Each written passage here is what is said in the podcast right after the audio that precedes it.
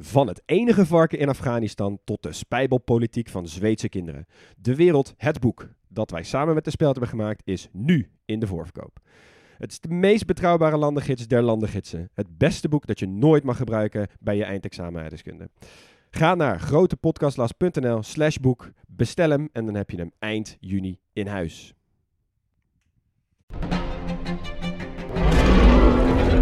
Maarten van Rossum en ik, Gijs Rademaker, nemen je mee naar de tijd van de dinosauriërs. Ja, jij vindt het gemene beesten Ik vind het gewoon eigenlijk. gemene beesten. Ja, Kijk, nou, kijk naar ze. Beesten zijn niet gemeen. We zijn het eigenlijk nooit eens. Maar T-Rex is toch veel sexier. Nee, ik vind de kakkelak net zo sexy als T-Rex. Ja, ik zie dat je daar moeite mee hebt. Voor iedereen die vroeger al van dino's hield en nu nog steeds een beetje, luister naar DinoCast. Hallo en welkom bij de Grote Podcastlas. In deze podcast nemen drie geografen je elke aflevering mee naar één land. Aan de hand van een aantal vaste thema's in drie blokken vertellen we je de mooiste verhalen en de meest opvallende feitjes. Ik zit hier met collega-geograaf en politiek junkie Leon Boelens en cartograaf en topografie-nerd Max Gerritsen. Mijn naam is Hugo Noordman en dit is de Grote Podcastlas.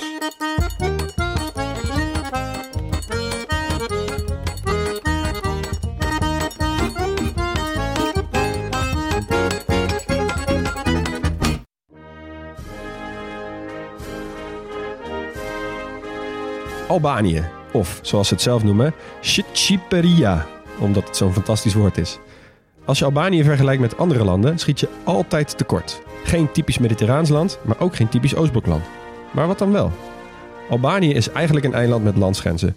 Een Einzelgänger zoals je er niet veel ziet in Europa. Wereldvreemd? Dat al lang niet meer. Maar onbekend maakt onbemind. En dat er wel een heleboel te beminnen is in Albanië.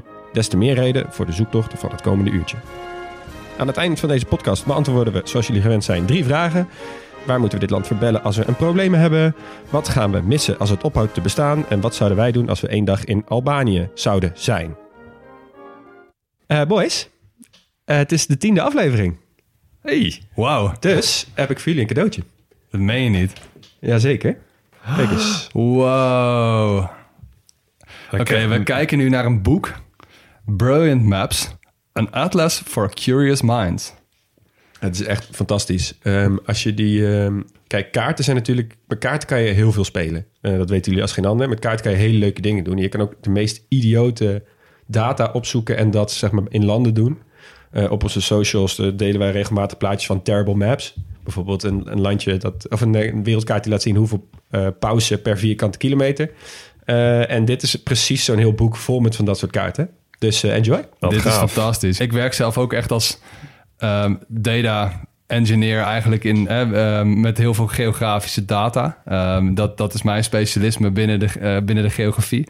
Eh, je noemt dat GIS, Geographical Information Systems. En daarmee maak je dus heel veel kaarten. Dat is eigenlijk een beetje de digitale versie van wat we vroeger de atlas noemden. Ja. Dus ik ga dit boek echt helemaal uitpluizen. Ja, super bedankt. Vet. Zullen we er ook eentje verloten onder vrienden van de show? Oh, vind ik ook een goed idee, ja. Vind ik ook leuk. Ja, als je vriend van de show wordt, dan gaan we er eentje verloten. Ja. Voorbeelden van de kaarten die hierin staan is bijvoorbeeld de wereldkaart, alleen dan gespiegeld.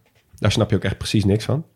Eh, de nou, aantal communistische landen. Welke landen hebben er allemaal ambassades in Noord-Korea? Eh, welke landen er allemaal zijn die Polen hebben, zijn binnengevallen? Dat is ook echt een angstaanjagende kaart. Allemaal dat soort eh, heerlijke kaartjes. Je kan hier echt goed, eh, ja, je kan hier wel eh, flink, eh, flink je hart mee ophalen. Vanavond voor op het nachtkastje. Precies. Nou man, om even te openen. We hebben drie nieuwe vrienden van de show. Hey. Anne Ham, Jap en Caroline. Super tof. Heel gaaf. Dank jullie wel. Zullen we nog even wat reacties doornemen? Caroline had ook echt een hele mooie reactie gegeven op onze podcast over Georgië. Ehm, zij zei op de vriend van de show.nl stuurde zij ons een berichtje. Jongens, jullie maken mij zo blij. Dit is precies wat ik zocht in een podcast. Ik hoop dat jullie nog lang doorgaan. En een heerlijk deuntje telkens tussendoor. Nou, voor dat soort complimenten doe je het toch? Ja, dat is heerlijk om te horen. Wauw. Dutch TV Addict heeft getwitterd. Die was ehm, erg fan van onze podcast. Maar die, eh, die zei wel, ik, eh, een aflevering over de nieuwe zijderoute lijkt hem zeer interessant. En die hoopt ook dat we een aflevering gaan maken over Turkmenistan. Nou, dat, gaan we, dat gaan, kunnen we sowieso beamen. Dat gaan we sowieso doen. Zeker. Daar hebben wij net zoveel zin in als eh, de Dutch TV Addict. Goeie naam trouwens. Alexander Peters heeft ons ook getwitterd. Ehm, die zei ook, mooie podcast mannen. En hij heeft nog een leuk feitje over Kazachstan. In onze aflevering hadden we het over de nucleaire erfenis die daarachter bleef... eh, na het uiteenvallen van de Sovjet-Unie. En daar maakten de Amerikanen zich grote zorgen over. Ja. En vervolgens hebben zij poortjes geplaatst op internationale vliegvelden. Die controleren op die straling. Gefinancierd door Amerika. En dat eh, gebeurt tot op de dag van vandaag. Echt Heel een mooi hele mooie feitje, toevoeging. Alexander. Ja, Thanks. echt een hele mooie. En dus ook meteen een, eh, een oproep voor jullie allemaal. Als je wat leuks hebt van gekke feitjes of landen of dingen die we vergeten zijn te noemen, stuur ze gewoon op. En eh, wie weet, dan, eh, dan gooien we ze hier in de, in de aflevering. En hoe ging de research, mannen?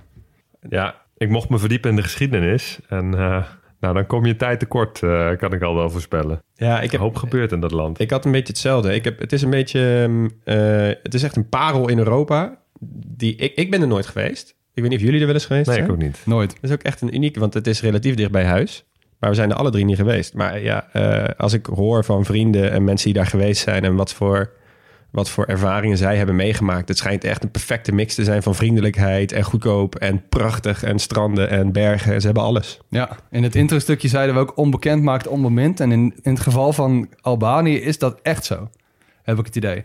Ja. Ik heb even ge- ehm, gevraagd aan een vriend van ons, Nanne, die, eh, die is er dus wel geweest. En ehm, die beschreef Albanië als ehm, een op de lachspieren wekkende bouwstijl. Lekker flashy met spiegelende ruiten en vreemde uitbouwen. Verder ontelbare onafgebouwde appartementencomplexen en hotel, eh, hotels overal over het land.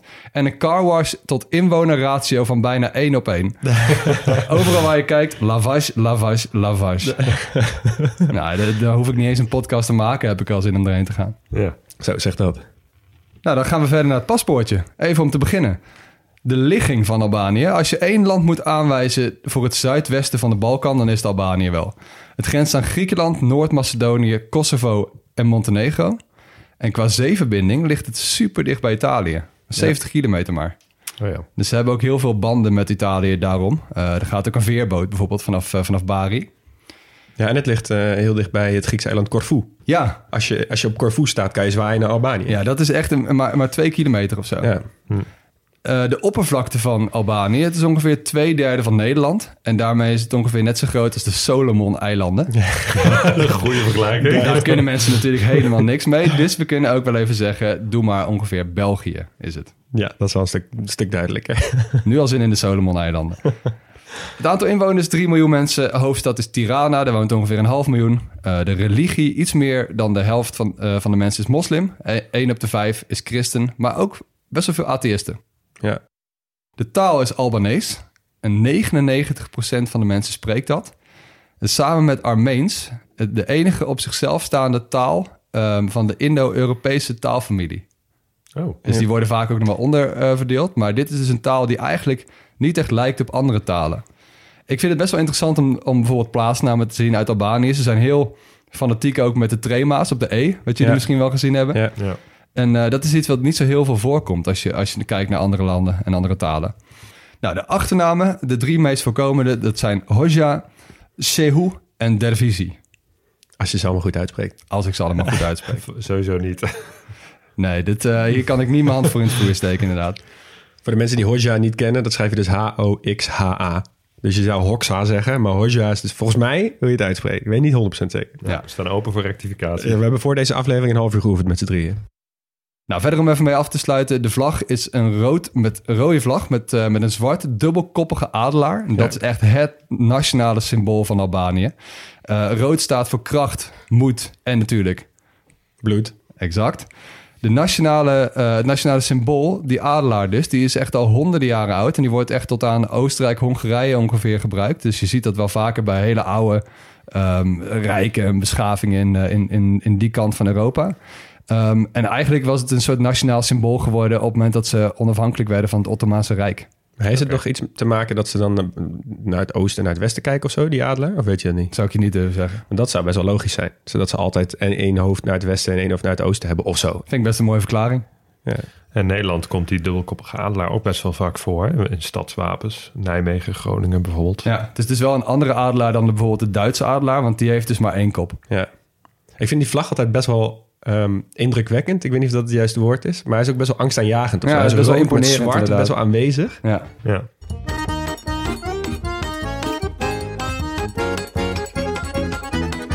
Oké, dan is het tijd voor de bevolkingsopbouw van Albanië. Wie woont er nou eigenlijk allemaal en wat kunnen we zeggen over de opbouw van de bevolking in, in dit land? Nou, als je kijkt naar het demografische transitiemodel wat we ehm, in Tunesië besproken hebben, dan is dit eigenlijk ons eerste land dat al jaren krimpt. Dus eh, gefeliciteerd daarvoor. Oh, oké.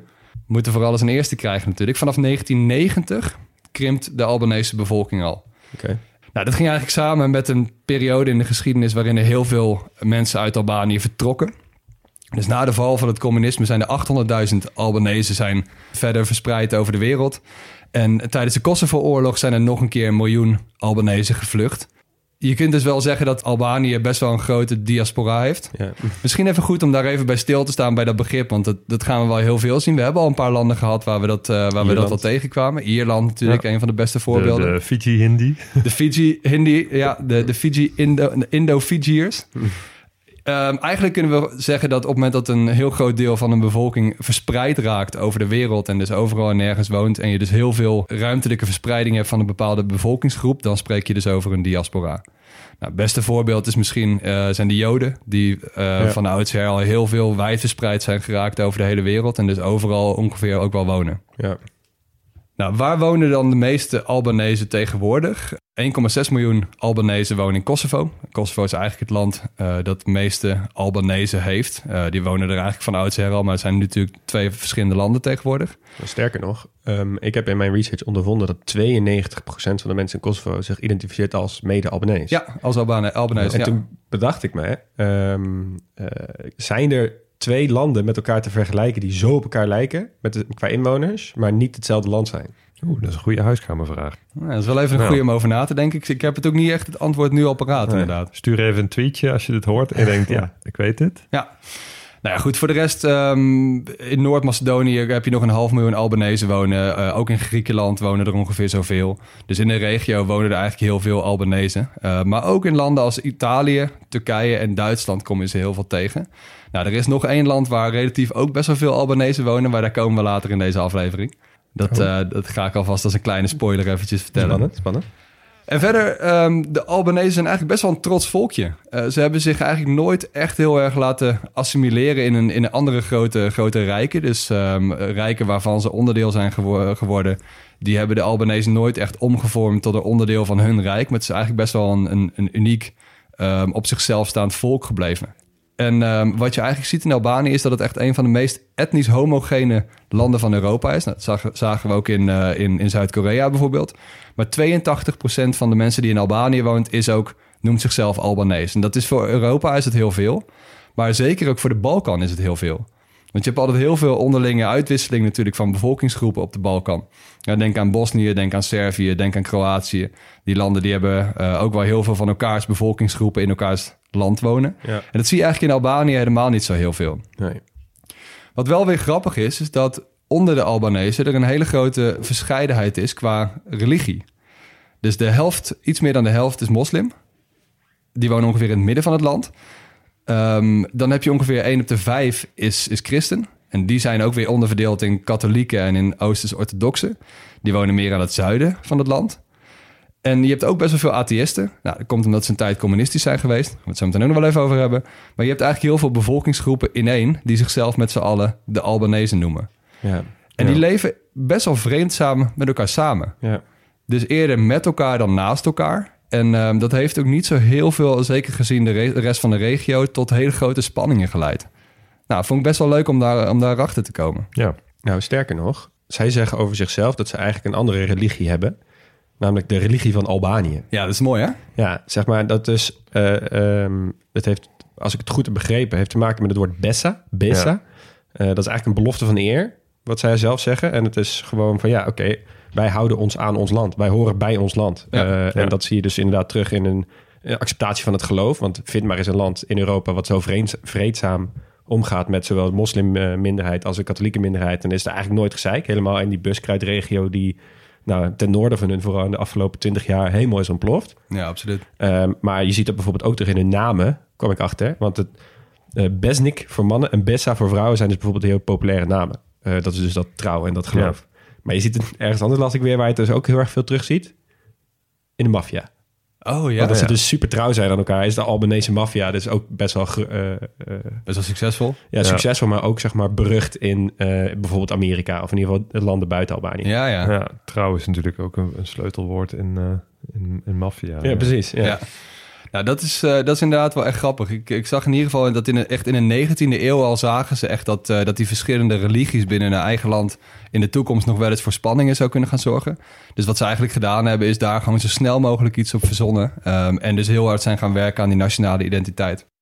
Nou, het is wel grappig, want eh, bij, bij het onderzoeken van de geschiedenis van Albanië kwam religie ook heel vaak terug. Nou, islamitische meerderheid dus. Dat heeft alles te maken met de overheersing door het Ottomaanse Rijk. Ja.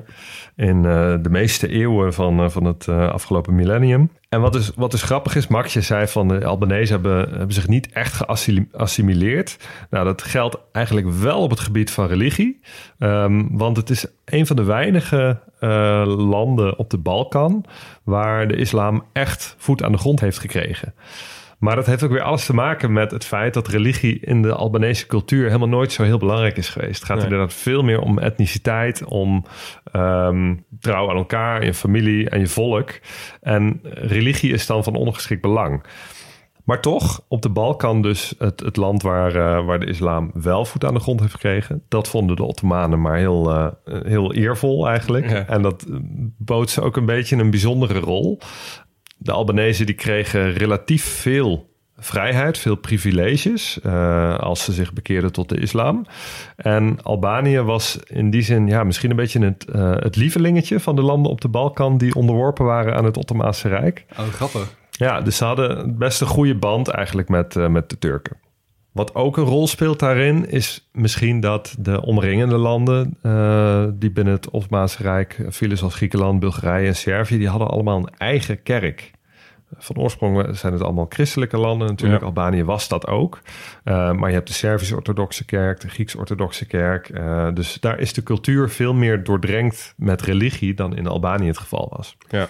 Ja, ik heb dit ook wel gelezen dat als je bijvoorbeeld in, in de Albanese steden gaat kijken, bijvoorbeeld dat er heel veel vrouwen gewoon zonder hoofddoekje lopen, dat mensen, dat er ook wel relatief veel varkensvlees gegeten werd, bijvoorbeeld best wel veel alcohol Ja. gedronken en gemaakt wordt, veel, veel wijn geproduceerd bijvoorbeeld. Raki. Ja, En veel raki inderdaad. Dus dat het wat dat betreft, ehm, je moet wel echt drie keer goed kijken voordat je echt ziet dat het een heel, of dat het een overwegend islamitisch land is. Ja, ja. Nou, die positie die gaf Albanië eigenlijk in de tijd van het Ottomaanse Rijk al een best bijzondere positie in de Balkan. Ehm, in de 19e eeuw verzwakte dat Ottomaanse Rijk, ehm, raakte het steeds meer gebiedsdelen kwijt en begon er ook steeds meer een hang naar onafhankelijkheid te komen, die op de Balkan heel sterk was en uiteindelijk ook in Albanië. En in 1912 zijn veel Balkanlanden zich, eh, zich gaan losweken van het Ottomaanse Rijk met opstanden. En eigenlijk vanwege het feit dat Albanië een beetje gezien werd als, als handlanger van de Turken, raakte die ook in oorlog, uh, de Balkanoorlog van 1912, tijdens die uh, hang naar onafhankelijkheid met de landen daaromheen. En daar heeft Albanië best wel veel territorium verloren. En dat is ook de reden waarom er veel Albanese net over de grens terecht zijn gekomen in het huidige Noord-Macedonië, Kosovo, Griekenland. En dat Albanië eigenlijk, kleiner is dan het, uh, dan het in die periode was. Oh, ik ben echt heel blij dat je dit even uitlegt. Want ik heb inderdaad bij dat onderzoekje naar die bevolkingsopbouw... Uh, inderdaad heel veel gezien dat ze best wel veel Albanese net over de grens hebben, uh, hebben, hebben wonen. Ja. Maar tegelijkertijd, Kosovo was natuurlijk een onderdeel van Joegoslavië, niet van Albanië. Nee, maar dat is, ja. die, die grenzen die zijn dus al vastgelegd veel eerder dan dat die landen ontstonden. Ja, dat is eigenlijk in 1912 ontstaan. Toen al die landen op de Balkan een beetje simultaan onafhankelijk werden van het Ottomaanse Rijk. Ik vind het wel lekker dat die Albanese dan niet hebben gedacht... oké, dan ga ik dus binnen de nieuwe grenzen van het Albanische land wonen. Maar dan ga ik gewoon lekker hier blijven chillen... en mijn Al Albanese trouw en eet lekker hier verspreiden... in de landen, in de buurlanden van Albanië. Ja, en daar is, daar is eigenlijk de animositeit tussen Albanië en de omringende landen een beetje ontstaan. En Albanië is in die periode, zo'n beetje tot, uh, tot en met de Tweede Wereldoorlog, is een beetje richting Italië gaan hangen. Uh, het werd op een gegeven moment zelfs een Italiaans protectoraat onder de, de koning van Italië. En dat betekende ook dat ze in de Tweede Wereldoorlog aan de kant van de uh, fascisten stonden. Ja. Um, uiteindelijk is het bezet door Duitsland, toen Duitsland de Balkan bezette. Maar zoals op meer plekken in de Balkan uh, was daar best wel veel uh, verzet van partizanen. Ja. En de leider van die partizanen was Hoxha. Hey. Enver Hoxha. Maar dan heb ik nog wel een mooi feitje voor je. Want jij wilde de Tweede Wereldoorlog hier afsluiten, toch? Ja. Ja. Wist je dat Albanië, wat dus ook wat we net hebben gezegd, het enige Europese land met een moslimmeerderheid, tijdens de Tweede Wereldoorlog zijn bijna alle Joden eh, in die Duitse bezetting onder, hebben ze onderdak geboden, hebben ze een plek gegeven en die zijn dus eh, niet gedeporteerd. Volgens mij ja. is het echt op één of twee families na zijn alle Joden in Albanië veilig gebleven. En sterker nog, er waren dus aan het einde van de Tweede Wereldoorlog meer Joden in Albanië dan daarvoor. Echt? Ja, Omdat Ja, het ook een toevluchtsoord werd misschien ja, voor Joden omdat elders. ze wisten, oké, dus dat heeft dus ook te maken met die vrijheid Ja. van religie, met dat eten, de trouw en eh, maakt niet uit dat jij een andere religie bent. Wij zorgen voor je, want jij bent Ja. Albanees. Ja. En dat terwijl ze eigenlijk bij het kamp van Italië... dat ook wel geleerd was aan Duitsland. Ja, precies. En gewoon uit Duits overheerst zijn geweest. Ja, Ja, vrij Ja. bijzonder. Ja. Ja. dat is wel echt een interessant feitje. ja. Nou, uiteindelijk kregen de partizanen ook in Albanië de overhand, trokken de Duitsers zich eh, terug. En na de Tweede Wereldoorlog wel, werd eh, Albanië communistisch, onder leiding van die partizaanleider Enver Hoxha. En die heeft het land tot zijn dood in eh, 1985 eh, met eh, behoorlijk harde hand geregeerd. En hij begon eigenlijk best wel voortvarend, want Albanië lag echt in puin. Het had een, een hele slechte economische positie rond de tijd van, van de Tweede Wereldoorlog. Er was enorm veel analfabetisme. Ongeveer 80 of 85 procent van de bevolking kon niet lezen of schrijven. Eh, De kindersterfte was enorm. Er gingen allemaal ziektes rond die elders in Europa al lang uitgestorven waren. Kindersterfte tot 40 procent. Ja, dus dat zegt wel iets over, ehm, over hoe slecht het eigenlijk gesteld was met van alles in Albanië. Hij bestreed eh, die armoede eh, succesvol, investeerde in onderwijs. Ehm, de industrie die werd weer opgekalefaterd, die eh, onder de Italiaanse heerschappij eigenlijk vrijwel vernietigd was. Dus hij ehm, eh, voerde heel wat hervormingen door en genoot daardoor ook door het succes van die hervormingen best wel wat populariteit onder de bevolking. Ja. Hij was goede maatjes met Jozef Stalin. Hey. Als je Jozef Stalin een interessante man vindt, dan moet je zeker nog even de podcast Georgië terugluisteren. Zeg dat. Daar hebben we het over, eh, over Jozef Stalin gehad. Hoxha en Stalin die konden het goed met elkaar vinden. En Hoxha die was ook ongeveer net zo paranoïde als Jozef Stalin. En daar gaan we het zo wel even over hebben. Dat Ehm, maakt het vaak niet veel gezelliger in het land. hè? nee, vaak niet. Dictators die paranoia zijn, is een beetje een lastige combinatie. Vers- Verschrikkelijke cocktail. Ja, Stalin die kreeg het op een gegeven moment aan de stok met Tito, de leider van Joegoslavië. Dat zorgde er eigenlijk ook voor dat dus de relatie tussen Hoxha en eh, Tito, dus tussen Albanië en Joegoslavië, ook heel erg verslechterde. Onhandig voor Albanië, want het is omsingeld door Joegoslavië. Ja, dat was vrij onhandig. Nou ja, Griekenland was, eh, was natuurlijk aan, aan de zuidgrens een kapitalistisch, westers land. Dus Ja. nou, Italië net over zee ook. Dus dat versterkte eigenlijk de, de isolatie van Albanië nog verder. Op een gegeven moment kwam Stalin te overlijden. Kwam Khrushchev aan de macht in de Sovjet-Unie. Destalinisatie. Eh, dus dat zorgde er ook voor dat de verhouding met de Sovjet-Unie op een gegeven moment verslechterde. Dus nou, toen is, eh is Hoxha een beetje gaan aanpappen met Mao, Ja. met China. Ja, dit heb ik dus ook gelezen. Want er is dus schijnbaar een moment geweest. Dat heet de Sino-Russische split. En dat is dus blijkbaar een moment... Ik wist dat helemaal niet. Maar er is een moment geweest in de Koude Oorlog... waarin Rusland en China actief hebben gezegd... wij zijn niet meer dezelfde communistische buddies als, als voor. Nee. Ja, dat wist ik inderdaad wel. en daardoor maar heb je zo'n drie fronten Koude Oorlog gekregen... waarin da- inderdaad landen als Albanië... die hiervoor hadden ze en China en Rusland als maatjes... moesten ineens gaan kiezen tussen Ja. Rusland en China. Ja, ja, ja. Ja. Nou, ik wist inderdaad wel dat, dat die band tussen Rusland en China, die, die was aan het begin was die best wel oké, hè, want het waren allebei communistische landen. Maar daarna dat zij inderdaad echt een eigen weg hebben gekozen. Ja. Maar de rol van Albanië hierin, dat vind ik toch wel een interessant. en dat is ook dus de manier waarop Albanië dus best wel snel ehm, redelijk geïsoleerd is geraakt, in, in, in ieder geval in Europa. Ja, in, in ieder geval in Europa en uiteindelijk ook in China. Want na het overlijden van Mao Zedong werd daar de koers veranderd. En daar moest uh, ook niks van hebben. Dus toen hadden ze eigenlijk helemaal niemand meer in de wereld met wie, eh, met wie ze vrienden waren. Dus eigenlijk hadden zij eh, zich aan alle kanten omringd met vijanden. En Hoxha was er ook van overtuigd dat die vijanden van plan waren om, om Albanië uiteindelijk binnen te vallen. En om dat te voorkomen, tuigde hij een flink leger op. En bouwde hij 170.000 bunkers. Even hè, 170.000 In een land te groot als. België. Hoeveel, eh, op, wat was de oppervlakte ook weer, Max? Ja, ongeveer België. Ongeveer België. Ja. Nou, dan kom je al op, op ongeveer vijf bunkers per vierkante kilometer. Ja, en dat is dus echt, die liggen dus compleet, nou ja, het lijkt willekeurig verspreid over het land, maar die liggen dus echt overal. Ja, ik heb plaatjes gezien van bunkers van mensen midden in de stad. Ja.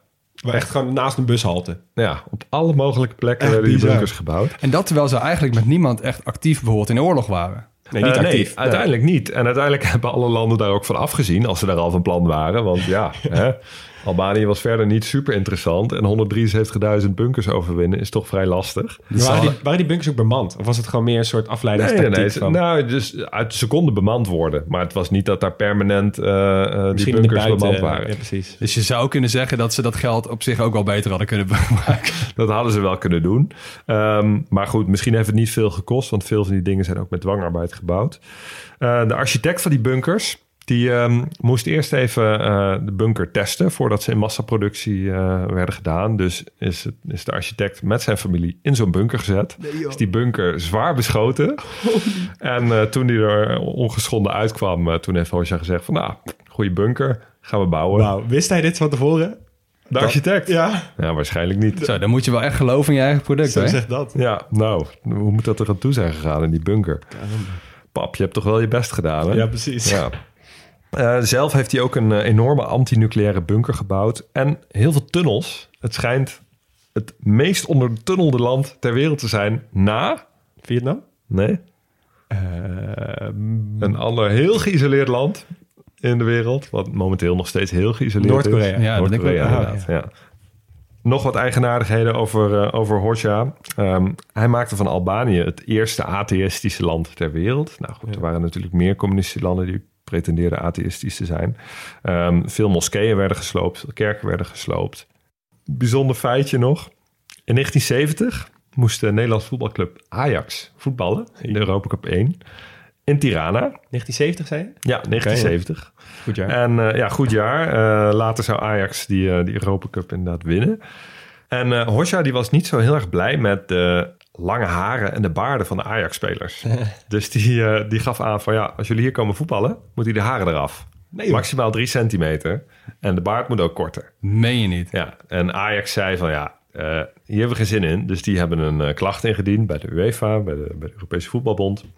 En die heeft uiteindelijk gezegd van nee, dat, eh, dat hoeft niet. Jullie moeten kunnen, kunnen spelen. Maar als compromis was wel dat de spelersvrouwen... die moesten lange rokken dragen tot over de, over de knieën. Oké. Dus wel atheïstisch, maar zeden waren toch ook wel, eh, ook wel erg belangrijk. Er waren meer landen over, of meer clubs overigens in de jaren zeventig... die last kregen van dit soort eh, eisen. Ook Celtic, eh, die vo- volledig bebaarde voetbalploeg uit Schotland...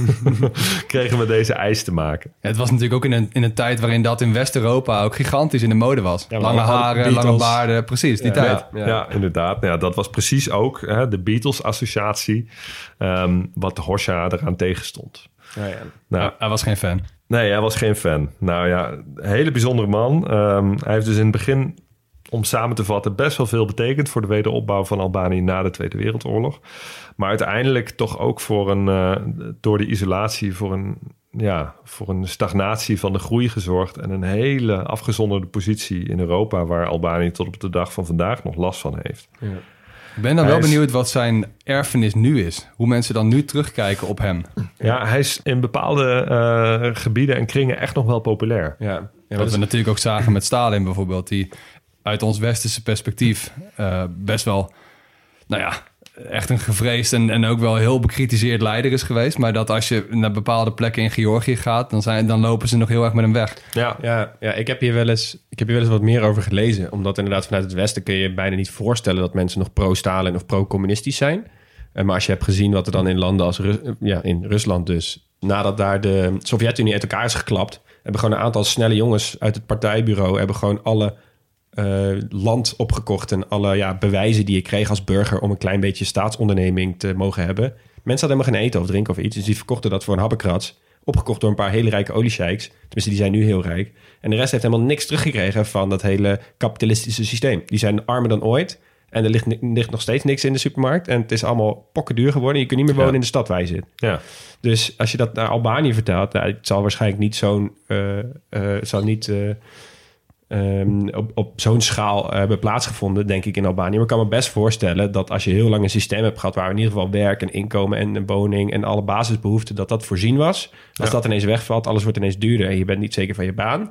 Dat je dan heel anders naar kapitalisme kijkt dan landen waar het al altijd zo is geweest, zoals in Nederland. Ja, zeker de omwenteling vanaf de ehm, vanaf de communistische periode, dat was best wel een roerige tijd. In elk, eigenlijk in elk land was Ja. het best wel een spannende tijd. Want ze moesten in één keer een heel kapitalistisch systeem gaan neerzetten. En er zijn natuurlijk heel veel mensen Ja. die nu terug verlangen naar die goede oude tijd. Waarin de meeste basisdingen in het leven in ieder geval zeker waren. Ja, en Albanië heeft daar heel veel last van gehad. Eh, we gaan het straks nog hebben over de economie. Maar ehm, bijvoorbeeld in 1993, een paar jaar na de val van het communisme in dat land, lag het bruto nationaal product, inflatie gecorrigeerd, 50% lager dan in 1989. Dus dat is gewoon een, Wow. een halvering van de koopkracht eigenlijk, van Ja. wat mensen kunnen met geld. Ja, en dat is precies ook waar we net over hadden bij die bevolkingsopbouw. Dat is precies die tijd geweest waarin er dus 800.000 mensen naar andere landen zijn Die hebben verhuisd. gepakt. Die dachten, Ja. donder maar op. Ik Ja, nou die- mijn, eh, je kunt eindelijk weg, dan Ja. ga je ook. En dat, dat, dat heb je wel echt Ja. veel gezien. Zeker Ja. gezien ehm, het bevolkingsaantal, dat is nou, ongeveer net 3 miljoen. Dus dat is een gigantische, eh, gigantisch grote groep geweest. Ja. Ja.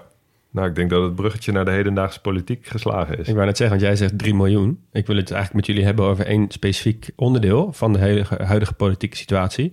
Eh, dat is namelijk Groot Albanië. Dat, we hebben het er net al enigszins, een paar keer enigszins aan eh, geraakt hè, in de onderwerpen die we hebben besproken. Maar de totale populatie van etnische Albanese op de Balkan is dus ongeveer 5,3 miljoen.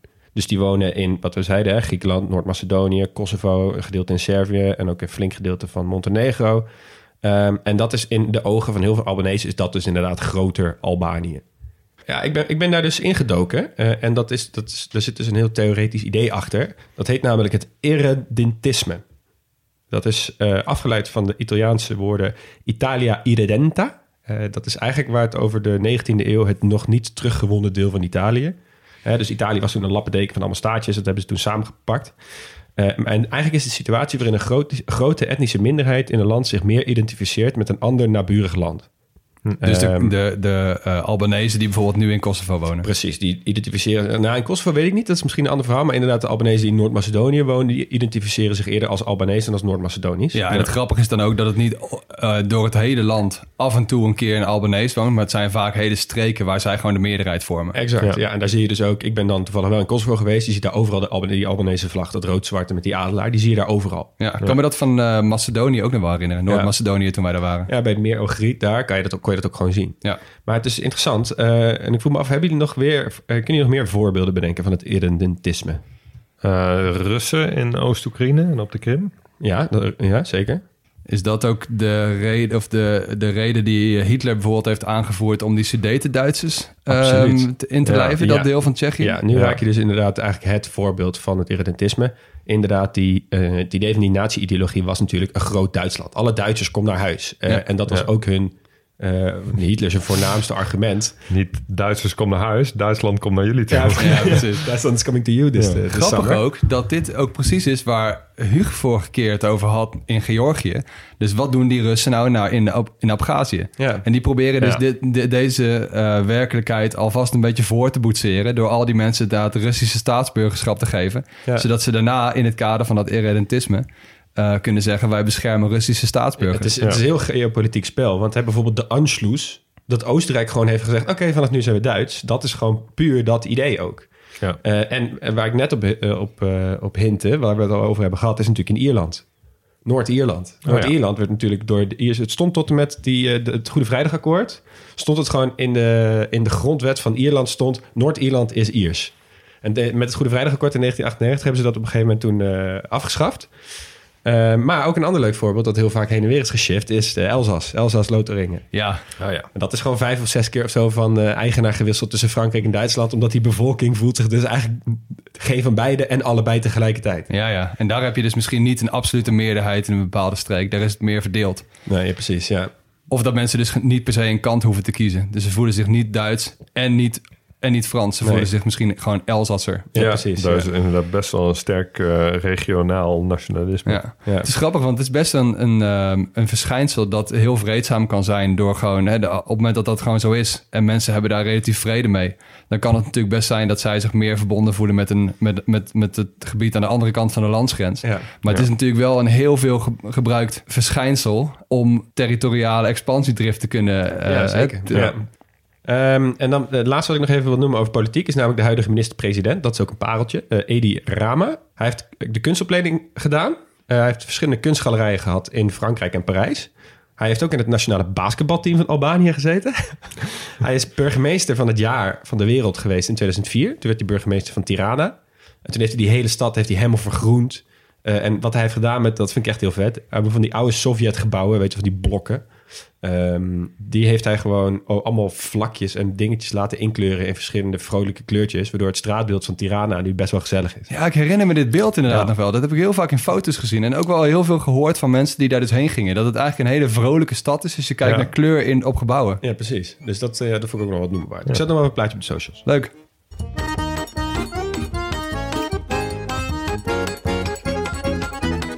Nou, dan gaan we verder naar de fysische geografie van Albanië. En ik kreeg eigenlijk best wel zin om hierheen te gaan. Ja. Het is best wel bergachtig. Eh, het is bijna echt nergens echt plat. En aan de grenzen, aan alle grenzen, heb je eigenlijk best wel hoge bergen. Dus misschien ook een, een reden waarom het best wel geïsoleerd is, is, is komen te liggen uiteindelijk. Bijna bij alle grenzen heb je echt best wel grote bergketens liggen. Dus in het noorden heb je de eh, Noord-Albanese Alpen. Jawel. Nee, die zijn echt mooi. Ja, Ja, dat hoor ik dus van heel veel mensen. Dat je daar dus bijvoorbeeld gigantisch mooie wandelingen kan maken bijvoorbeeld. En dat de rivieren die daar stromen, ehm, dat dat echt lijkt, dat kun je gewoon rustig fjorden noemen. Oh. Ja, oh, ja, en wat je daar dus ook hebt, dat is interessant. Daarom zou ik altijd nog wel een keer de ronde van Albanië willen zien. Je hebt er dus heel veel van die slingerweggetjes met van die haarspeldbochten. Ja. Helemaal in het grensgebied, waar ze dus echt zo'n pas over moeten. Die dan wel Ja, op, een bal, op een Balkan manier begrensd zijn met, ehm, met, met vangrails. Ja, ja, ja Gewoon precies. stenen. Nou, die bergen die gaan tot 2700 meter. Dus eh, het zijn ook best wel serieuze bergen. Er liggen zelfs gletsjers. Nou, heel veel bos. In het zuiden zie je dat het al snel wat meer gaat lijken op Griekenland. Dus je hebt daar ehm, het, het zuidelijke stuk bij de kust heet ook de Albanese Riviera. Ja, dat schijnt echt een hele mooie streek te zijn met, met, met steile bergen. Ehm, met baaien en stranden waar je eh, toch wel redelijk onontdekte plekjes hebt die heel mooi zijn voor, voor strandvakanties. Voor, nou, ja, het is echt een hele mooie kust die je daar hebt. Ja, dat moet ook haast wel als je dan bedenkt dat het precies ligt tussen eh, Griekenland, Italië en Kroatië. Exact. Ja, Ja, die, die hele kust is eigenlijk mooi. strandlanden van dit moment. Precies. Alleen daar heb je dus inderdaad best wel weinig toerisme.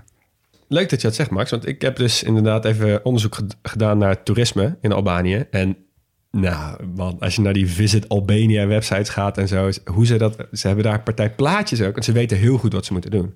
Eh, en wat je zegt, het is relatief onontdekt. Want ja, hoeveel mensen ken je nou echt die naar Albanië op vakantie gaan? Ja. Het wordt dus ook wel bijvoorbeeld het laatste geheim van Europa genoemd. Eh, en als je het mij vraagt, ik denk, het wordt echt een nieuwe hotspot. Het wordt echt een heel populair eh, gebied. Het is natuurlijk ook de hoofdrolspeler in Wie is de Mol, wat nu gaande is. Dus ja, de, de, de beelden die je ziet zijn gewoon fantastisch. En je weet gewoon, in Albanië kan je gewoon echt je hart ophalen. Of je nou gaat klimmen, gaat fietsen, gaat zwemmen, gaat...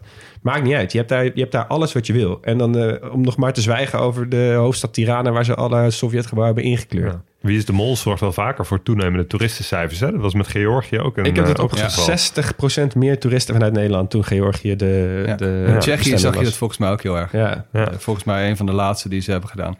Ik zit even te kijken. acht- 3,8 miljoen bezoekers. Daarmee is het het eh 25ste meest bezochte land van Europa. dat is echt niks. Nee, zeker Van niet de- gezien het feit dat het niet een heel klein landje is. Nee, precies. Nee, en, Ja. en het feit dat er best wel veel te doen is. Absoluut, ja. Nee, je hebt de cultuur, je Ja. hebt de natuur, je hebt alles, alles wat Ja. je wil. Dus eh, nee, ja, eh, ik, eh, ik ga er denk ik gewoon binnenkort ga ik gewoon Ja, gebied. Ik ook. Ik ben in alle buurlanden geweest. Dus Ik ook in dat ook. opzicht is, Ja. is Albanië echt een eiland voor mij. Ik ben inderdaad ook in alle buurlanden geweest. Ja, en die vond ik allemaal vet. Ja, Dus- ja precies. Ja. ik moet hierheen. Ja. Ja. Nou, volgens mij is het wel nog eh, Ierland, volgens mij, dat we dat bespraken. Volgens mij is het ook geen Ryanair-bestemming. Dus eh, dat is een van die landen waar je dus niet heen kan Oh, ja, Ryanair. ja oké. Eh, ja, dan mag ik het nog even met jullie over de economie hebben van Albanië. Ehm, we hebben het al gehad over de overgang van communisme naar kapitalisme. Dat ging gepaard met eh, ja, aanvankelijk een enorme krimp van de economie. Dat het land stortte helemaal in. Ehm, de jaren negentig eh, werd Albanië echt nog armer dan het al, eh, al was.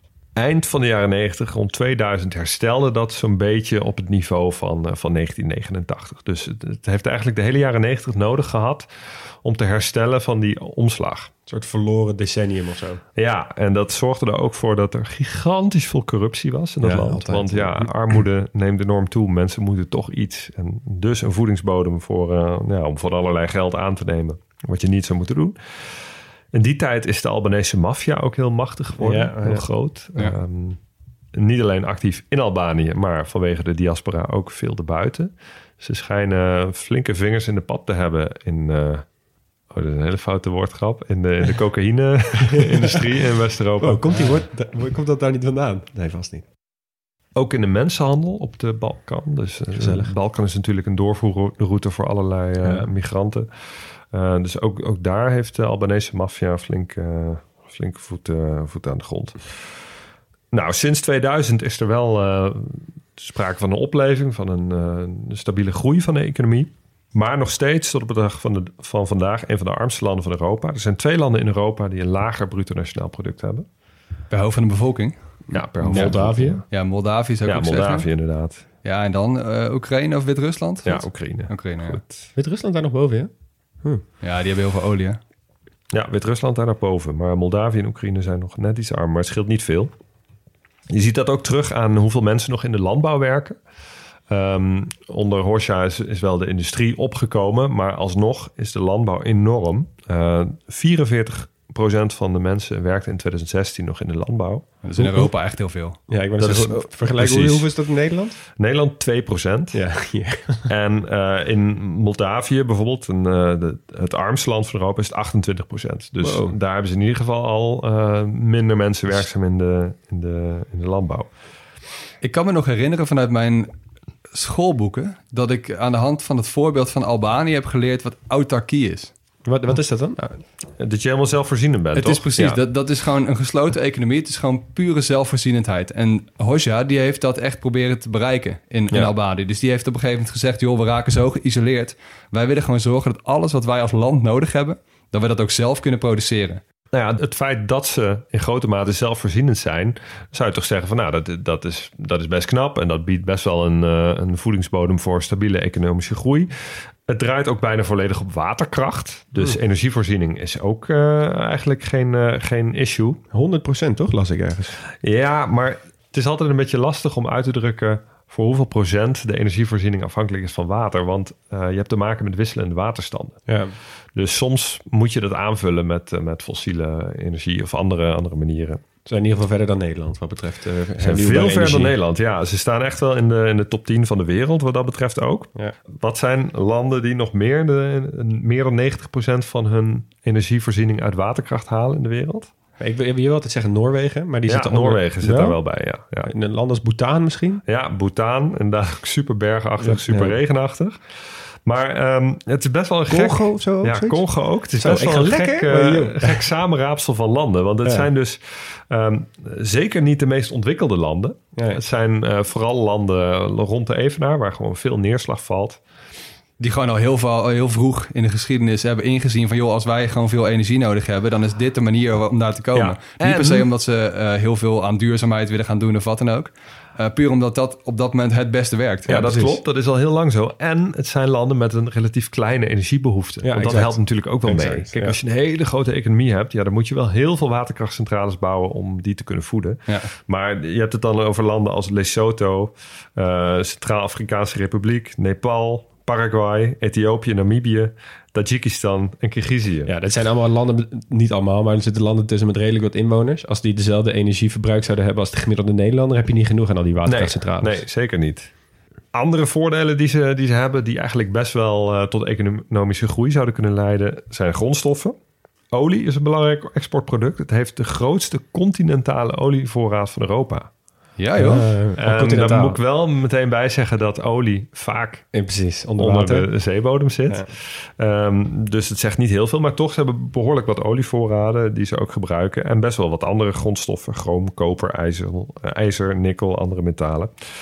Wat er ook eh, uit de grond eh, wordt gehaald zijn bitumen. Weet jullie wat dat zijn? Bitumen? Ja. Is het weer zo'n mysterieus onderdeel dat iedereen in zijn, in zijn mobiele telefoon nodig heeft? Niet is een mobiele telefoon. Ik heb Max, geen weet het flauw idee. wel. Nee. Eh, dit, is, dit is een grondstof voor asfalt. Oh, help. Dus bitumen van hele hoge kwaliteit. Dus de beste asfalt eh, in Europa, de beste asfaltwegen, die worden gemaakt met Albanese bitumen. Niet dat ze dat zelf heel erg hebben gebruikt voor hun wegennet, want dat is erg eh, onderontwikkeld. Dat is grappig om nog wel even in te duiken. Onder eh, hebben we weer Hoxha, was privé autobezit verboden. Dus er waren heel Oh, weinig auto's ja. en dus ook heel weinig noodzaak om een wegennet te ontwikkelen. Grappig. Hoxha heeft wel geïnvesteerd in, een, in de trein, want dat was het vervoersmiddel voor, Ja. eh, voor de bevolking. Maar dus niet in de auto. Er waren ehm, in 1991 waren er ongeveer 5 à 7000 auto's in heel Alba- Albanië. Wow, dat is niks. Heel weinig.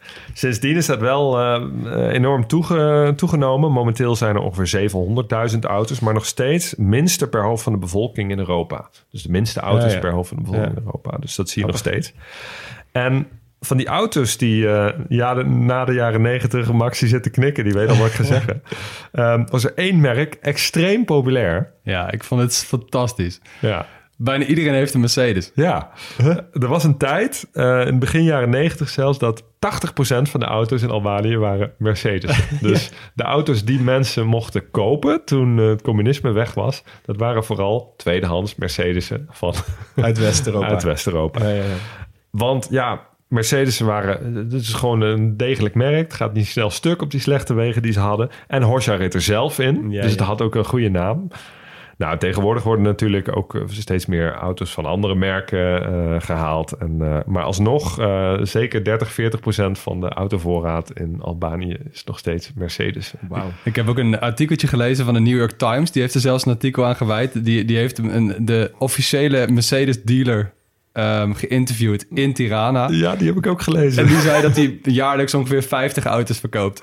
Dus ja. al die Mercedes die het land binnenkomt, is allemaal tweedehands. Allemaal met Duitse nummerborden, Ita- Italiaanse nummerborden. Ja, precies. hierheen komen met, weet ik veel, de trein of het vliegtuig of met een busje. Hier vervolgens op Marktplaats eh, eh, tweedehands, derdehands, vierdehands Mercedes inrijden. Die gewoon terugrijden naar Albanië. Ja, Ja, maar ook precies. dus mensen van die Albanese diaspora die dus eh, in het buitenland wonen en gewoon elke keer als ze teruggaan naar hun, hun, hun, hun vaderland, Even een Mercedes even een, even een wagen meenemen. Want je kunt er best wel op zich wel aardig aan verdienen en de, de, de hele Ja. familie zit verlegen om een auto. Ja. Het grappige is ook dat het hele systeem houdt zichzelf ook wel redelijk in stand.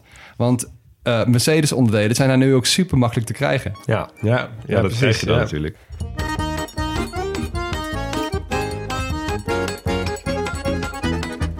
Oké, derde hoofdstukje. Blokje drie. Blokje 3. TV, media, muziek, die, die hoek. Nou, ik dacht echt bij het eh, maken van een aflevering over Albanië meteen aan één ding. Zo gaat het wel eens, hè? Ja. Bij een aflevering van Top Gear, die ik super lang geleden gezien heb. En dat is de Albanië special. Nou, dat is hilarisch. Ze gaan daar met z'n drieën gaan ze naar Albanië. En ze zeggen, joh, we zijn een, een, een kopstuk van de Albanese maffia. We hebben een super dikke gast vermoord. En we moeten hem zo snel mogelijk zien te vervoeren in de achterbak van onze wagen. En we moeten een vluchtauto hebben.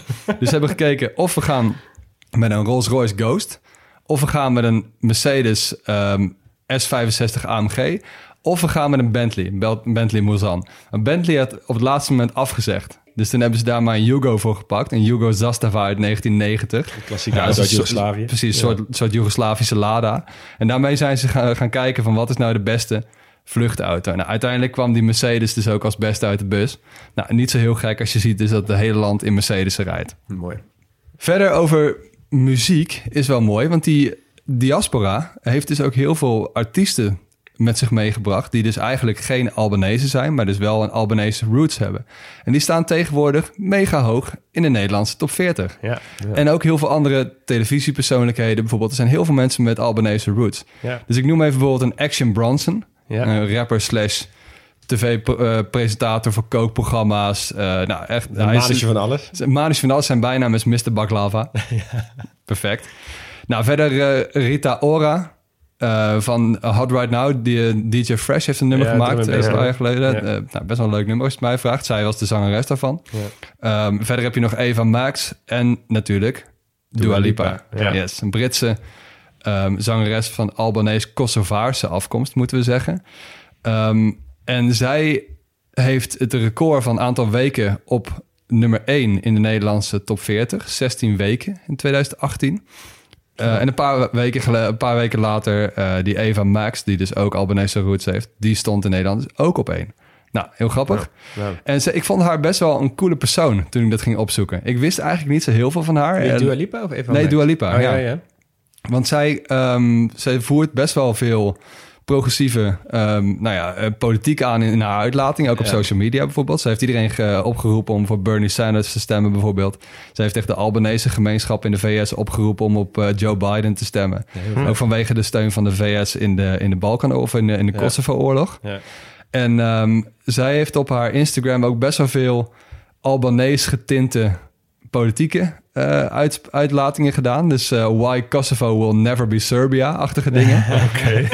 Ja, dit is dat, dit is dat Bessa waar we het even hebben gehad. Dat, Ja. dat eeuwige trouw aan je achtergrond, Ja. zeg maar. Zij zal niet de hitlijst in Servië domineren. dat denk ik niet, nee. Nee, absoluut niet. En, maar zij is ehm, ook gewoon geboren in Londen, hè? Dus zij- Precies. ja, precies. Dus, maar toch heeft zij dus zo'n sterke band met haar, met haar land. Ja. eh, met, met Albanië in ieder geval. Om daar dus heel veel... Ze heeft natuurlijk een gigantisch bereik op social media. Dus de dag nadat ze die Wine, Kosovo will never be Serbia post had, ge- eh, had geplaatst... heeft ze ook een, eh, een social post gemaakt met een kaart van dat Greater Albania. eh, waar ja, we het ja. net over hadden. Ja. Ehm, dus waar al die Albanese wonen.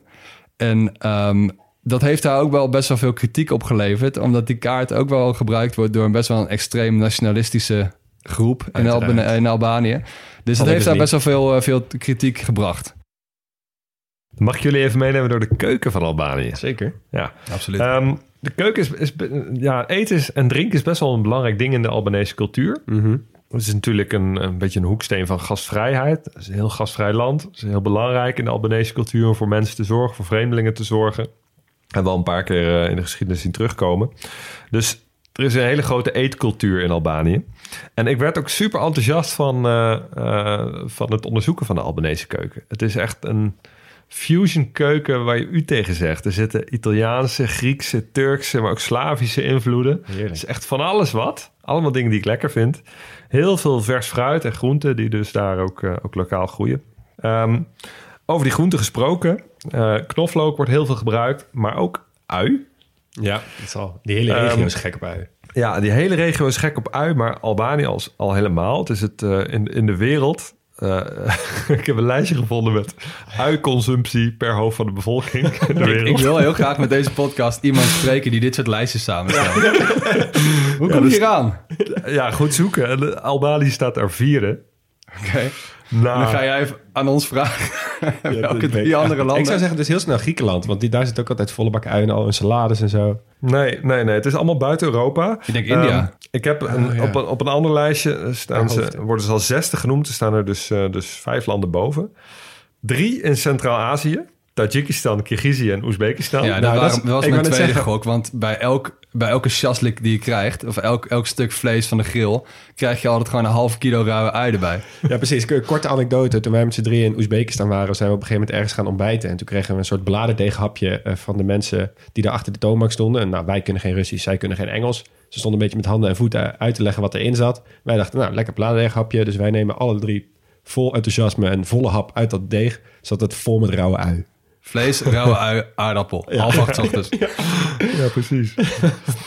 Eh, en in Soedan en Niger vinden ze dat ook eh, tof, ui. Oké. Nou, Welke gerechten zie je dan allemaal terug? Nou, als we het hebben over die Turkse invloeden, dan wordt daar veel baklava gegeten. Maar ook bijvoorbeeld? Turks fruit. De mediterraanse invloed en de ligging aan de zee zorgt er natuurlijk voor dat er veel zeevruchten worden gegeten, veel vis wordt gegeten. Als we kijken naar de Slavische invloeden, goulash, ehm, Turkse invloeden, kebab nog. Ja, ja, Eh, ja. Dus eh, dat soort vleesgerechten komen ook veel terug. Maar ook hartige taarten zoals burek, Ja, ja. die eigenlijk in de hele Balkan wel gegeten worden. Ja. Dus, dus het is echt van alles wat, van alles bij elkaar. nou, ik had al zin. ja, ik wou net zeggen. Nu nog meer. Ja, het mooie is dat eh, Leon straks eh Albanese voor ons gaat koken. Zeker. Dus daar verheug ik me echt enorm over. Ik hoop niet dat je het nationale gerecht gaat maken. Tave Kozi. Daar ben ik dan Dat weer staat- iets minder Oh, dat staat wel van. op. Oh, dat staat wel op. Nee, grapje. Wat gaanvlees? Nee, dat is een, eh, is een overgerecht met eh, lamsvlees. Ik ben sowieso niet, geen hele grote lamsvleesliefhebber. Met rijst, ehm, met kos daar overheen. Dat is een, eh, een, een soort zure geitenmelk. Oké. Ja, Nou, ik zou het wel lusten. Maar eh, ja, goed, Leon is vegetariër. Dus dat, eh, die kans lijkt me sowieso niet zo groot. precies. Wat we gaan Ja. eten, dat heet verges. Dus een soort eh Oké. Albanese curry. Oké, oké. Tenminste, zo Nou. heb ik het, zo heb ik het Mooi. ge- Nee, ge- van al die andere dingen werd ik ook wel enthousiast. Ehm, dan over de drinkcultuur wordt veel thee gedronken in Albanië, maar ook veel koffie. Het is, eh, ik heb zelfs ergens gelezen dat het in de wereld het, meest, het land is met de meeste koffiehuizen per hoofd van de bevolking. Oké. Ja, Ze hebben gewoon heel weinig mensen. En gewoon heel veel koffiecultuur. Ja, En daar zijn al die bunkertjes goed voor waarschijnlijk. Precies, Ja, ja, ja. Er wordt ook ayran gedronken, dat eh, Turkse eh, zuiveldrankje. en de lokale sp- speciale drank is raki. Tuurlijk. Is In de hele regio. Ja. En dat er in een moslimland, hè? Dat in een moslimland. En er wordt veel wijn gedronken. Het is ook een traditioneel wijnland. Ja, precies. sport. Heerlijk hoofdstukje. Het land heeft nog nooit een Olympische medaille gewonnen. Oh, wel fijn dat je het van tevoren even aangeeft. Ja, ik, zag, ik dacht, ik bespaar jullie quizje, want ik heb een ander quizje. Er is één ander Europees niet-microstaatland die ook geen Olympische medaille heeft. Welk is dat? Dus geen Monaco of Vaticaanstad. Dat is het Oké, oké. Is dat dan Moldavië? Nee, Moldavië. Nee, daar kunnen ze wel gewicht heffen. Oh, ik denk dat ik het weet. Wat dan? Kosovo, want die bestaat pas net. Nee, het is wel een land in de regio. Montenegro? Macedonië? Nee, allemaal niet goed. Het is Bosnië. Heeft Oké. Bosnië, Bosnië nog heeft nooit... nooit, nooit een medaille gewonnen. Ja, I don't know. Wauw. Eh, nou, dan wil ik jullie voor één eh, mooi verhaal even meenemen naar een eh, zo- zonnige zomerdag van 11 juni 2016. Wat hadden we toen? Dan was er een EK. EK? EK, ja. EK. Ja, Euro 2016. Eh, dat was de eerste keer dat Albanië meedeed aan een eindtoernooi. Hm. En dat was meteen rete interessant, want eh, zij moesten spelen tegen Zwitserland. En wat was daar aan de hand? Ah, Ja. Er, er spelen eh, etnische Albanese in het Zwitserse team. Ja, en dus andersom. Dus, dus, dus in- bij de Zwitsers stonden vijf spelers van Albanese komaf aan de, eh, aan de aftrap. Dus ook Kosovaars, Ja. eh, Mhm. Albanese, zeg maar. En maar bij Albanië stonden vijf spelers die zijn opgegroeid in Zwitserland. Ah, dat is echt grappig. vrij bizar. Ja, dat is maar fantastisch. het bizarre, wat ik nog mee- veel interessanter vond eigenlijk... is het dus de ene broer moest tegen de andere broer. Echt? Dus eh, Granit Xhaka speelde bij Zwitserland... en Taulant Xhaka speelde bij Albanië. Oh, maar... Ze moesten tegen elkaar. Maar Shaka is ook best wel een... Dat is wel een van de, een van de sterren in het Zwitserse elftal. Ja, zeker. Hij speelt ook gewoon voor Arsenal. Ja. Eh, en ehm, het was dus best wel lastig voor hem. Hij heeft zelf ook een interview gegeven eh, waarin hij zegt... Ja, ik speel voor Zwitserland, maar ik ben wel een, Al ik ben wel een Albanees. Weet je, ik kom wel uit Albanië. Maar ja, toen hij speelde werd er natuurlijk wel flink eh, uitgemaakt voor landverrader. En eh, nou, waarschijnlijk Ja. eh, links en rechts ook wel Albanese maffia op de stoep gekregen. Ehm, maar hij, heeft het dus, hij zegt, ja, ik vond, dus hij wist niet zo goed hoe hij, de, hoe hij ermee moest omgaan. Hij vond het echt super lastig. Maar wat hij dus wel altijd doet, is hij voetbalt altijd met de drie vlaggen op zijn schoenen. Namelijk die van Albanië, Kosovo en Zwitserland. Dus, ja, dat is ook een, is ook een oplossing. Maar goed, maar dus was heel interessant. Ik zag nog even een... het, het duel tussen die twee broers was namelijk best wel intens. En zij gingen er ook volle bak voor. Dus je hebt een hele mooie foto waarin ze echt ongeveer elkaar... Nou, nog net niet eh, eh, judo rollen alle kanten op. Maar die is wel mooi. Die is ook weer even op de social plaatsen. Ja, overigens is Albanië wel eh, helaas derde geworden in die pool. En ze konden daarna ook niet door. Maar ze hebben wel toen gewonnen van Roemenië. Dus ze hebben in ieder geval een, een overwinning achterin. Puntje in de tas. Ja, en ze hadden de harten gestolen van de me- menig neutrale kijker. Want ik weet nog wel van dat toernooi dat ik Albanië echt heel vet vond. Ik kan me best voorstellen dat zij best wel mooie shirts moeten hebben. Eh, Ik ja, denk vooral heel rood. vooral gewoon heel rood. Dus eigenlijk gewoon niet heel interessant. Oh, niet met een dikke adelaar erop? Nee, dat niet. jammer.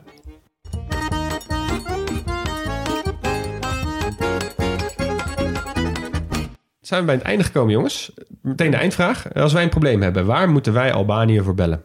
Ja, toch voor wat waterkracht dan.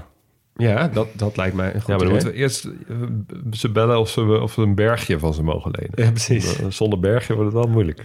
Ik denk dat als wij ehm, een tekort krijgen aan monteurs die Mercedes kunnen repareren, dat we dus ook wel kunnen bellen. Kunnen ze ook bellen? Nou, Ja. weet je wat ik dus, wat ik dus wel zo, zo- zou willen leren van ze... is hoe je een soort groot trots op je eigen land kan bouwen... zonder dat het meteen een vies rechts een nationalistisch bijsmaakje heeft.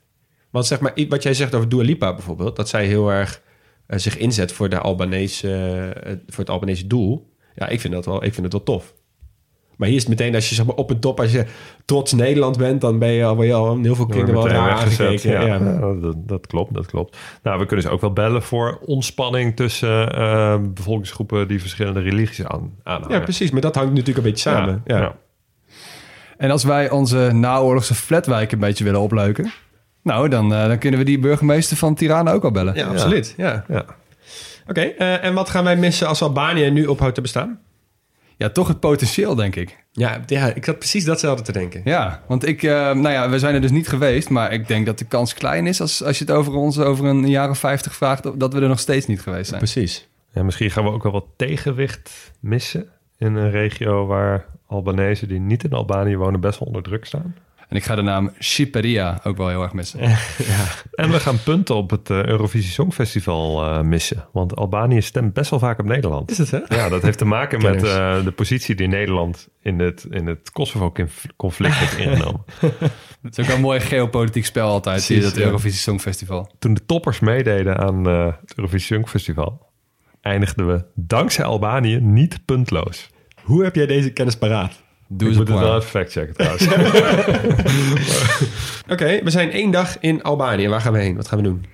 Ja, ik ga wel die, eh, die Albanese Riviera checken. Dus net vo- net al. voordat, het, eh, voor, voordat het helemaal overlopen wordt door allemaal resorts... en dat, dat het een beetje een soort Kroatische kust gaat worden Precies, met, met ja. zoveel toeristen. Ja. Ik ga er nu heen als het, eh, nu het nog kan. Ik ga me helemaal volstouwen met al het lekkere eten. Ja, echt hè? Ja, maar ik vind dus ook... Kijk, ik ben een wielrenner, dus het liefst zou ik inderdaad het noorden in het gebergte lekker die, eh die haardspeldbochtjes affietsen. Maar ik denk dat dat over een paar, over tiental jaren ook nog wel kan. Dus ik ben het denk wel met je eens om nu die Riviera gewoon daar even een partij goed te chillen, voordat het inderdaad één grote hotelbende wordt. Eh, ik ga gewoon met je mee. Hey, maar Hugo, je kunt daar best wel goed eten, toch? Ook in die Riviera. Ja, Kom gewoon met ons mee dan. Ja, is goed. Gaan we met z'n Doen we drieën... met z'n drieën. eh, Gezellig. Nou, daar gaan we mee afsluiten. Mensen thuis, bedankt voor het luisteren naar de grote podcast Las. En zoals je hoorde zijn we nooit volledig, maar wel origineel. Geen experts, wel liefhebbers. Vind je dit nou een leuke podcast? Stuur hem door naar je vrienden, familie en collega's. Vond je het nou geweldig? Dan kun je ook vriend van de show worden vanaf slechts 2,50 euro per maand. Daarvan huren wij onze spulletjes en verzekeren we jullie van nog meer afleveringen. En voor de komende vrienden van de show verloten we dus een boek, Brilliant Maps. Dus Ja, word nog even snel vriend van de show. Hebben we iets verkeerd gezegd of zijn we iets cruciaals vergeten? Volg ons en laat het even weten via Twitter of Instagram op @grotepodcastlas. Volgende keer reizen we naar Costa Rica. Miro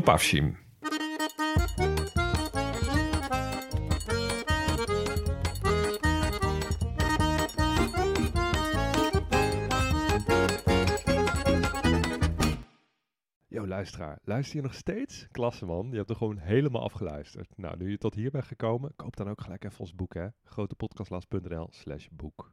Doei!